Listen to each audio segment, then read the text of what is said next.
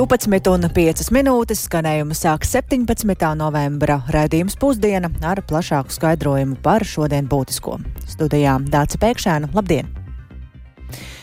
Un es sāksim ar radušos satraukumu Valmieras novadā. Bibliotēkas, tautas nami, kultūras centri, kopumā desmit kultūras iestāžu likvidācija ir paredzēta dažādos Valmieras novada pagastos, un nu pat par to ir lemts pašvaldības izglītības, kultūras un sporta komitejām. Vietējie iedzīvotāji ir neizpratnē, bet novada kultūras pārvaldē mierina Bultuzeri nebraukšot, iestādes netikšot nolīdzinātas līdz ar zemi, jo lielākoties ir paredzētas vienīgi juridiska un administratīva reorganizācija. Kā īsti būs, par to vairāk interesējās kolēģi Zanēniņa. Sveika! Ko tev teica pašvaldībā, ko šajās iestādēs, kā mums īsti būtu jāsaprot plānotā likvidācija? Labdien! Sākšu ar to, ka lēmums likvidēt desmit kultūras iestādes Valmieras novada pagastos nu dienu izraisīja sašutumu vētru. Sociālās tīklošanās vietnē Facebook ierakstu ar visu likvidējumu iestāžu sarakstu bija pārpublicējusi rūjieniete Agrita Gruzdiņa, un arī telefona sarunā viņa izteicās ļoti emocionāli, ka laukos jau tā slēdz vienu iestādi pēc otras, tāpēc ziņa par bibliotēku un kultūras centru likvidāciju šitusi satriecoša. Paklausīsimies! Cilvēks, kurš ir pieredzējis tuvākajā apkaimē četru skolu likvidēšanu, visu apkārtējo pasta nodaļu, lauku pasta nodaļu likvidēšanu, Rūjens autors telpas slēgšanu, ne paša maršruta. No Rūjens ir aizgājuši banku filiāls, mums bija pat trīs, ja? Visi samazināti, un šis vārds likvidācija izskan kā tāds, nu, nu, bais signāls īstenībā. Runātāja bija Rūjieniete, logopēde Agrita Gruzdiņa. Viņa pati ir ļoti aktīvs cilvēks arī kultūras dzīvē. Viņa ar muzikāliem priekšnesumiem esot uzstājusies vai visos likvidējamajos pagastu kultūras namos un vada senioru sieviešu vokālo kopu, tāpēc viņa skaidri zina, cik nozīmīgi ir šādi kultūras punkti arī ļoti attālās vietās. Viņa teica, kultūra cilvēkus ceļas pārnos. Vēlāk gan domas pārstāvi viņai sūtījuši skaidrojumus, ka notikusi iespējams neveikla vārdu izvēle jo likvidācija nesot paredzēta, bet gan reorganizācija. Un noskaidroju, ka arī, piemēram, likvidējamās Skaņkalnes pagasta bibliotēkas vadītājai un vienīgajai darbiniecei Ievai Bāliņai gaidāmās pārmaiņas nav bijis nekāds pārsteigums, lūk, ko viņa teica. Jā, es to zināju. Tā nav tā kā pēkšņi vakar es to uzzināju. Es to zināju jau rudenī un tās vēsmas jau tomēr virmoja. Nu, ziniet, situācija grūti droši vien cilvēkam, kas nav uz vietas, ir grūti saprast, jo principā, nu, skaņkalni ir tieši masalats pievārtē vienā pusē salacā ir masalats, otrā skaņkalni. Ja, nu, reāli es eh, masalats bibliotēku gandrīz var teikt redzu no savu pagalmu. Runātāja bija Skaņkalnes pagasta bibliotēkas darbiniece Ieva Bāliņa. Viņas uh, amata vieta tiek pārcelta uz Masalacas bibliotēku un grāmatas tiek izdalītas pa citām bibliotēkām. Un līdzīgi notiks arī ar Ķoņu pagasta bibliotēku, kas arī atrodas vien, uh, laikam, trīs kilometrus. Uh, attālu no kāda lielāka centra, arī to optimizēs līdzīgā veidā. Darbinieks pārcels, bet grāmatas izdalīs citām bibliotēkām. Bet runājot par kultūras centriem un namiem un tautas namiem, Tajos kultūras notikumi tikšot rīkoti tāpat kā līdz šim. Arī darbinieki saglabāšot darba vietas, izņemot divas iestādes. Tā pastāstīja Valmieras novada kultūra, kultūras pārvaldes vadītāja vietniece kultūra politikas jautājumos Liena Jakobsone. Jā, ēkas saglabājas pašvaldības uh, rīcībā. Vienīgi divas ēkas tiks atsevinātas, bet arī tām jau ir skaidrs zināms, viena no tām vienkārši nav izmantojama, otra ir uh, jā, atsevināta. Kas tās par ēkām, kuras atsevinātas? Malmīras pagastu kultūras centrs, kā arī ķoņu tautas nams. Tā bija Valmieras novada kultūras pārvaldes pārstāve Liena Jakobsone.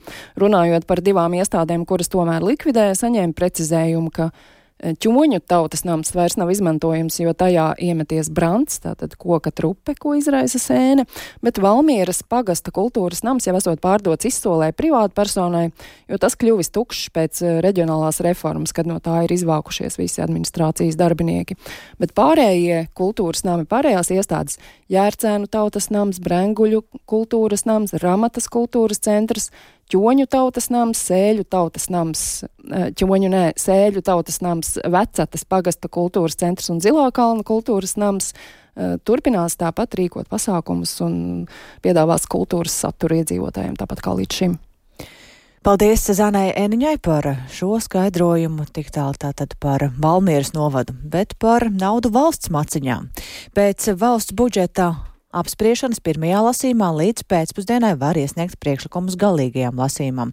Un norādot uz trūkumiem valsts budžeta projektā, priekšlikumus dažādās jomās gatavo saimā opozīcijā esošās frakcijas. Tomēr, ņemot vērā tēriņiem paredzētās iespējas, šo ieceru realizēšana ir apšaubām, un par to vairāk gatavs pastāstīt kolēģis Jānis Kīncis. Sveiks, Jāni! Sveicināti! Jā, saimnes opozīcijas ierastais uzdevums gan debatēs parlamentā, gan arī ar priekšlikumiem norādīt uz vēlamiem uzlabojumiem budžetā, ko nenoliedz arī tā veidotāji. Nacionālā apvienība, piemēram, rosinās saglabāt 5% pievienotās vērtības nodokļu likmi svaigiem augļiem un dārzeņiem, savukārt ēdināšanas nozarei noteikti 12% PVN likmi. Piedāvās arī palielināt bērnu kopšanas pabalstus, un, lai sektu dažādas papildu vajadzības, Nacionālā apvienība rosina diskusiju diskusija par banku virspēļņas nodokļa palielināšanu no nākamā gada pēc Lietuvas piemēra, kas plāno iekasēt šādā veidā vairāk. Uz to uzsver Saimnes budžeta komisijas deputāts Artūrs Butāns no Nacionālās apvienības. Un, uh, Neplānojot pārspēt priekšlikumu skaita rekordus, idejas atalgojuma krasākai palielināšanai iekšlietu jomā, drošības un reģionālo jautājumu jomā, dažādas idejas arī tautsēmniecībā un transportā gatavo arī apvienotā saraksta frakcija. Un, Par to realizēšanu pārliecības gan nav vērtē apvienotā saraksta saimnes frakcijas vadītājs Edgars Tavars. Lūk, abu deputātu Artūru Butānu un Edgara Tavara teiktais. Mēs cenšamies eh, skatīties, lai arī mums, kā opozīcijas partija, nevar pārmest, eh, ka mēs nākam ar lieliem priekšlikumiem bez idejām, kur ņemt līdzekļus. Tāpēc, kā jau teicu, mēs gan no banku virspēļņas, gan arī citur esam atraduši, kur var paņemt vairāk līdzekļus. Un, nu, mums ir, kā zināms, mums ir eh, vairāki deputāti ar ministru pieredzi, viņi noteikti sniegs par savām nozarēm, bet ir arī tādi konceptuāli, protams, uzņēmējdarbības konkrēti spējumi par demogrāfiju, tie būs tādi Nacionālas apvienības frakcijas priekšlikumi. Mēs neliekam milzīgas cerības uz kādu priekšlikumu apstiprināšanu. Un, un tie priekšlikumi, kur būs izgājuši cauri, bet viņi nebūs acīm redzami beigās kā apvienotā saraksts, kā opozīcijas priekšlikumi. Nu, tas ir tāds nedaudz alternatīvs skatiens uz to, ko piedāvā pati valdība. Iesniegto priekšlikumu daudzumu arī šoreiz var prognozēt vairākos simtos. Tomēr budžeta veidotāji jau iepriekš ir norādījuši, ka nākamā gada budžeta plāns, sagatavotais un vakar pirmajā lasījumā skatītais, ir vērtējums kā sabalansēta un pamatot atbilde ģeopolitiskiem notikumiem un citiem izaicinājumiem. Galvenajām prioritātēm budžetā ir rasta papildu 780 miljonu eiro, milzīga summa. Papildu līdzekļu tēriņiem ir ierobežoti, jo Finanšu ministrija atturējās augstas inflācijas apstākļos palielināt pievienotās vērtības nodokli un citus tā saucamos lielos nodokļus. Savukārt kontekstā ar pieminēto Nacionālās apvienības rosinājumu no banku peļņas budžetā iekasēt vairāk līdzekļu, Finanšu ministrs Arvils Ašarādens no jaunās vienotības izteicās šādi vēl apgrūtināt ekonomiku ar nodokļiem. Es šajā brīdī ceru, ka bija inflācija, jebkura nodokļu celšana ļauj uzreiz paceļ inflāciju. Bankām Latvijas valdība ir uzlikusi 20% nodokli, peļņas nodokli. Caurmēr Eiropā ir nodoklis 15%. Ja, tas ir pamatīgs nodoklis. Mēs izņemam no banka peļņas ārā 14%. Vēl uh, parlaments vēl vēlās izņemt ārā, lai atbalstītu hipotekāro kredītņēmējus 90 miljonus. Tātad, lai atmaksātu šos 2%, jeb 30% no viskopējās procentu vērtības vērtības. Tiešām mums arī laikam vajadzētu, lai kāds te finansē ja, kaut ko. Nu, cik agresīvi jūs vēlaties vēlēt, ja tad uz priekšu? Tā finanšu ministrs Arvils Ašarādens vakar eh, intervijā raidījumā Krustpunktā un vēl piebildījuši, ka deputāti priešlikumus pirms valsts budžeta galīgā lasījuma iesniegs līdz eh, šai vēlē pēcpusdienai, un tos pēc valsts svētkiem vairākās sēdēs vērtēs eh, Saimas budžeta komisija, un savu viedokli par šiem priešlikumiem dos arī valdība. Un galīgajā lasījumā valsts budžetu Saimas plenārsēdēs sāks skatīt no 7. decembra, solot to nedarīt naktī. That's it. Paldies Jānim Kīncim, un jā, ne tikai mūsu valsts budžeti ietekmē ģeopolitiskie notikumi, bet um, to ietekmē rīkojas arī Somija, kas šonakt slēgs daļu no robežpunktiem ar Krieviju, lai apturētu migrantu plūsmu uz Somiju. Somijas valdība arī uzsver, ka šādi tā aizsargā Eiropas Savienības ārējo robežu pret Krievijas hibrīdu uzbrukumiem. Rīkoties līdzīgi, slēdzot arī savus robežpunktus, neizslēdz iespēju arī Igaunija un Norvēģija. Un šobrīd man pievienojas kolēģis Uldis Tiesberis, kurš gatavs vairāk vairāk pastāstīt par Somijas lēmumu. Sveiks, Uldi, un tad vispirms, eh, kādēļ tad Somija ir nolēmusi slēgt vairākus pārējais punktus uz robežas ar Krieviju? Jā, nu sveiki! Kopš septembra Somijas eh, robežsardze četros valsts dienvidu austrumos esošajos eh, šķērsošanas punktos reģistrēja arvien vairāk gadījumu, kad trešo valstu pilsoņi, pārsvarā no tuvajiem austrumiem un Āfrikas, no Krievijas mēģina nokļūt Somijā un lūgt patvērumu, lai gan viņiem nebija Schengenas vīzas. Nu, parasti Krievijas robežsargi neļāva šķērsot robežu trešo valstu pilsoņiem bez vīzām, taču jau vairākus mēnešus viņi to atļāva. Un uh, līdz šai nedēļai bija reģistrēti aptuveni 280 gadījumi, kad Somijā pa sauszemes robežu no Krievijas mēģināja no, uh, iekļūt patvērumu meklētāji. Nu, tas it kā nav liels skaits, uh, ņemot vērā, ka ikdienu Somijas dienvidu austrumos no Krievijas iebrauc aptuveni 3000 cilvēku, taču Somijas varas iestādes bažījās, ka migrantu plūsma var ievērojami pieaugt, jo Acīm redzami, Krievijas varas iestādes, ja neveicina, tad eh, neliek šķēršļus eh, šo cilvēku nokļūšanai līdz robežai. Nu, tāpēc Somijas valdība ir nolēmusi no rītdienas līdz nākamā gada 18. februārim slēgt Vālimā, Nujamā, Imatras un Nīralas robežas eh, šķērsošanas punktus. Nu, Somijas premjerministrs Peteri Orpo sacīja, ka šādi valdība vēlas uzlabot drošību uz robežas un arī nosūtīt spēcīgu signālu Krievijai.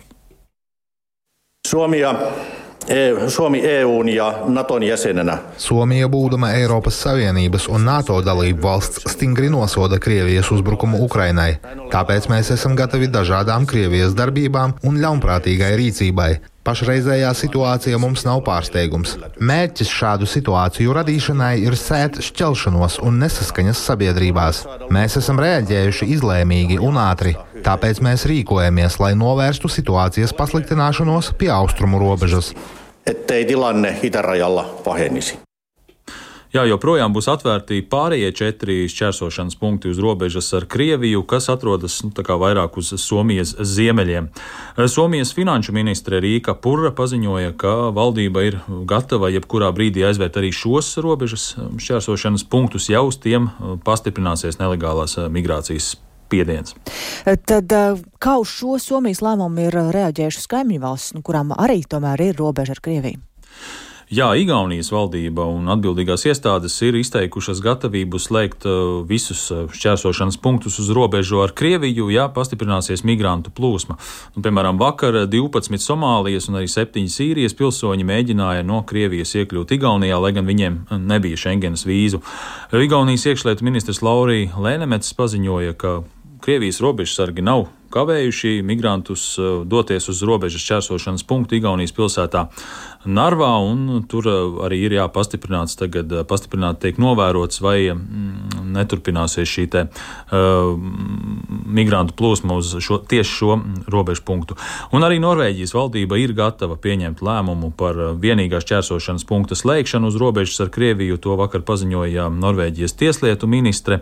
Viņa gan norādīja, ka pašlaik, no, pašlaik nav novērojama pastiprināta migrantu plūsma no Krievijas puses uz eh, Sturkskugas robežas čēsošanas punktu, kas atrodas pašos pašos Norvēģijas ziemeļos. Nu, savukārt Lietuvas premjerministra Ingrīda Šimonīte paziņoja, ka pagaidām viņas valdība neizskatot iespējas slēgt kādu no šķērsošanas punktiem uz robežas ar Krieviju vai Baltkrieviju. Nu, viņa norādīja, ka kāda robežas šķērsošanas punkta slēgšana nu, nozīmētu lielāku noslodzi pārējiem šķērsošanas punktiem. Savukārt Lietuvas prezidents Gitāns Nausēda sacīja, ka ir jāizvērtē, cik no ekonomiskā viedokļa racionāli būtu slēgt robežas šķērsošanas punkts ar Krieviju un Baltkrieviju. Un vēl atgādināšu, ka augustā Lietuva slēdza divus šķērsošanas punktus uz robežas ar Baltkrieviju. Paldies Uldim Česberim. Plašāk tātad par šiem lēmumiem un arī to ietekmi runāsim arī raidījumā pēcpusdienu. Bet pašmājās šķiet par vienu no populārākajiem plakātiem Rīgā var devēt Krievijas prezidenta Vladimira Putina stilizēto miroņu galvu, kas atrodas pie Paulus Radiņa medicīnas vēstures muzeja ēkas sienas, tieši pretī Krievijas vēstniecībai. Rudens vēja brāzmās tas tika paplosīts un muzejs tā atjaunošanai nepieciešamos 5500 eiro aicināja saziedot īpašā kampaņā. Naudu izdevās savākt nepilnas dienas laikā, un tāpēc šobrīd esam sazvanījuši muzeja pārstāvi Ilzi Sirmo. Labdien! Labdien! Uh, Jā, plakāts tika uzlikts jau tūdaļ pēc kara sākuma, vai šī ir pirmā reize, kad to nākas atjaunot? Uh, šī nav pirmā reize, kad to nākas uh, atjaunot patiesi. Šī ir, ja nemaldos, vismaz uh, trešā reize, jo mm, plakāta uzlikšana bija tāda nu, ārkārtas reakcija uz to, kas notika. Un, ja godīgi, mums pašā sākumā nebija arī plāns, ka tas būs tik ilgi jātur uz muzeja fasādes. Šoreiz vējš ir tas, kas ir papostījis šo plakātu, vai šajā laikā, kad plakāts ir bijis, ir bijuši arī kādi vandāļu uzbrukumi? Uh, nē, nē uh, plakāts tiešām ir uh, cietis uh, laikapstākļu dēļ. Uh, un tādēļ, ka tam nav bijis tāds um, ilgtermiņa risinājums, mums pat ir bijis gadījums, kad uh, plakāts uh, plīvo kā liela būra gar muzeja fasādi, un mums ir arī izsists uh, logs, bet uh, tas ir tiešām bijis uh, laikapstākļu dēļ, un tādēļ, ka uh, tas tehniskais risinājums uh, sākotnēji netika paredzēts uh, ilgtermiņam. Nu, katrā ziņā, lai to atjaunotu, protams, ka ir vajadzīga nauda. Kādēļ tomēr izšķirāties par šādu soli, aicināt ziedot tam naudu? Jā, nu, mūsu ieskatā ir ļoti svarīgi, kad šis pretkara un protestā plakāts eh, atrodas uh, publiskajā vidē. Un, uh, protams, ka mēs ļoti labi apzināmies savu geogrāfisko atrašanās vietu, ka mēs esam tieši blakus Krievijas vēstniecībai. Un, nu jā, mums pašiem nav šādu līdzekļu, lai varētu šo protestu turpināt, tāpēc mēs aicinājām sabiedrību uh, iesaistīties. Uh, Jā, kā bija iepriekš, jūs jau teicāt, ka šī nav pirmā reize, kad plakāts ir uh, paplosīts. Uh, kā iepriekšējās reizēs jūs šo risinājāt? Ui, nu, uh, dažādi uh, pašu spēkiem. Mums ir bijuši pat gadījumi, kad mēs ar kolēģiem braucam vēlā vakara stundā un mēģinam to plīvojošo plakātu savaldīt. Um, mēs esam šuvuši šo plakātu pašu, pašu līdzekļiem, un tagad um, šoruden mums uh, nācās saukt uh, ugunsdzēsējus, kas mums palīdzēja to plakātu savaldīt un, un noņemt. Un tad, uh, nu, bija skaidrs, ka ir nepieciešams um, ilgtermiņa risinājums. Nu jā, un es jau minēju to, ka ļoti ātri šī nauda tika savākta. Kas šobrīd tiks tieši darīts un uh, cik ātri atkal mēs varam gaidīt um, šo plakātu uz fasādes? Jā, nu vispirms es vēlos pateikties uh, visiem ziedotājiem. Tie kopā bija 352 ziedotāji. Tas ir arī liels uh, psiholoģisks uh, atbalsts uh, muzeja komandai, turpināt būt uh, drosmīgiem un uh, turēt šo plakātu publiskajā vidē, cik vien ilgi tas ir nepieciešams. Nu, tad tālākie soļi ir uh, sadarbībā ar uh, firmu, uh, kas tad, uh, ražos uh, tādu uh, lielu metāla rāmi, kas tiks uh, pieskrūvēts uh, pie muzeja fasādes. Uh, tiks arī izveidots jauns uh, plakāts no stingrāka uh, auduma. Mēs ļoti ceram, ka šo izdosies paveikt vēl šī gada ietvaros. Nu, katrā ziņā cik vien ātri tas būtu iespējams. Nu, šobrīd izklausās, ka tā, tā, tas būs tāds izturīgāks risinājums un ir cerības, ka varbūt tik ātri tas netiks sabojāts. Lai gan, protams, ka mēs visi cerētu, ka šis viss beigtos un varbūt šī plakāta vajadzība vispār. Jā, jā tieši, tieši gribēju piebilst, ka Eh, galvenā cerība ir, ka šis plakāts vispār nebūs eh, nepieciešams. Jā, nu, jūs savā ziņā jau atbildējāt, un tomēr noslēdzot vēlreiz um, tā apkopojot, kāpēc ir muzejam svarīgi, lai šāds plakāts atrastos tur? Jā, nu, mūsuprāt, tā ir ļoti svarīgi uh, nenormalizēt to, kas notiek uh, Ukrajinā, uh, neaizmirst uh, par to, uh, neieslīgt uh, savā ikdienas uh, rūpēs un uh, atcerēties, uh, ka mūsu valsts drošība ir uh, katra mūsu prioritāte. Un ar šo uh, protesta plakātu uh, mēs tātad publiski, simboliski uh, paužam cilvēkiem, ka mums jābūt vienotiem savā protestā un uh, jāatbalsta uh, Ukraina un, un Ukrainas iedzīvotāji.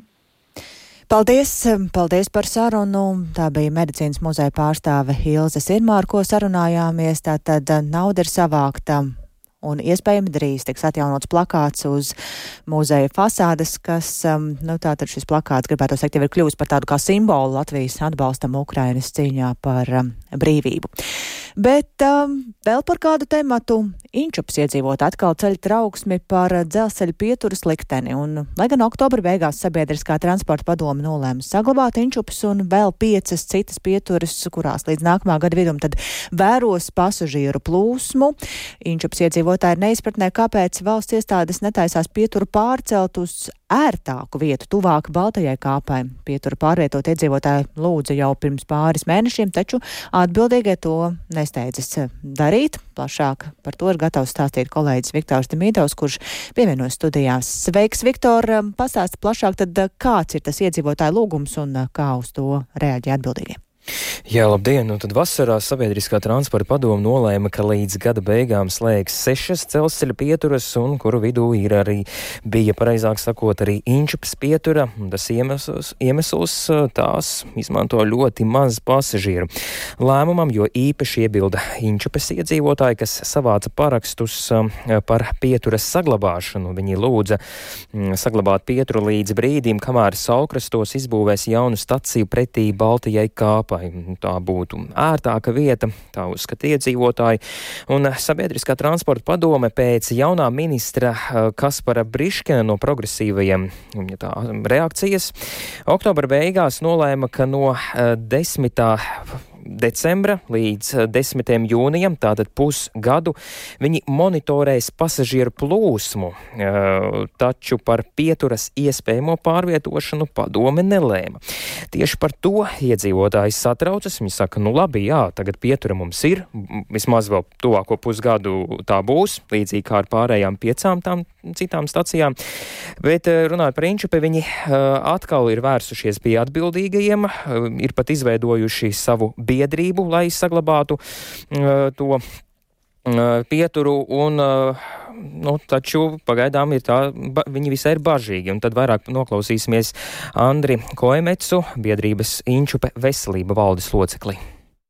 Šobrīd ir tāda kā vairāk atrakstīšanās, ka jā, jā, būs, būs, nebūs. Nu, tā, nu, tīri formalitātē, jā, bet reālā darbībā nekas nenotiek. Nav īsti skaidrs, kā šis monitorings tiks veikts. Vai viņi tiks veikti pēc eh, kondatoriem vilcienā, vai tomēr ies eh, apmeklēs iedzīvotājs, kas dzīvo nedaudz tālāk no stācijas, un, un tie tiks apjautāti.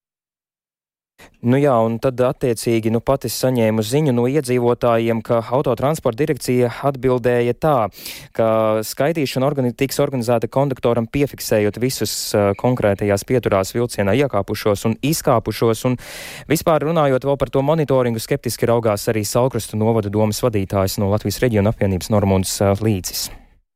Skaidrs, ka ziemas sezonā šis noslogojums ir minimāls. Tajā pašā laikā redzam, ka Atsevišķi cilvēki joprojām pa sliedēm iet uz šo pieturu, gan jauni cilvēki, gan kundze gados gāja. Ja? Tā kā šī bīstamība ir, tiek saglabāta, tā būtu jālikvidē, jāskato šī sistēma un kaut ko pētīt, kāda noslogotība ir pieturē mežā, tas ir bezjēdzīgs. Nu, es domāju, ka šobrīd jau pasūtītājs ir noslogots ar esošo pieturu rekonstrukciju. Redzam, ka šie darbi ir krietni iekavējušies, ir pārceļās jau uz nākamo plānošanas periodu. Nu, vēl piebildīšu, ka no uh, valsts iestādēm tātad gaidāms komentārs uh, dienas gaitā vēlāk. Tātad uh, pēc tādas nelielas futbolēšanas no vienas iestādes uz otru, no vienas uz otru tomēr piekrita komentēt satiksmes ministrija. Tālūk. Paldies Viktoram Demīdovam par šo skaidrojumu, un ar to tad arī izskan raidījums pusdiena, ko producēja Ilza Agīna ierakstus montēja Uldis Grīnbergs par labskaņu rūpējās Jāna Dreimane un ar jums sarunājās Dāca Pēkšāna. Raidījums pusdiena kā allaž arī Latvijas radio mobilajā lietotnē, tur jāsameklē dienas ziņas, un tāpat var sekot līdzi mums sabiedrisko mediju portālā LSMLV.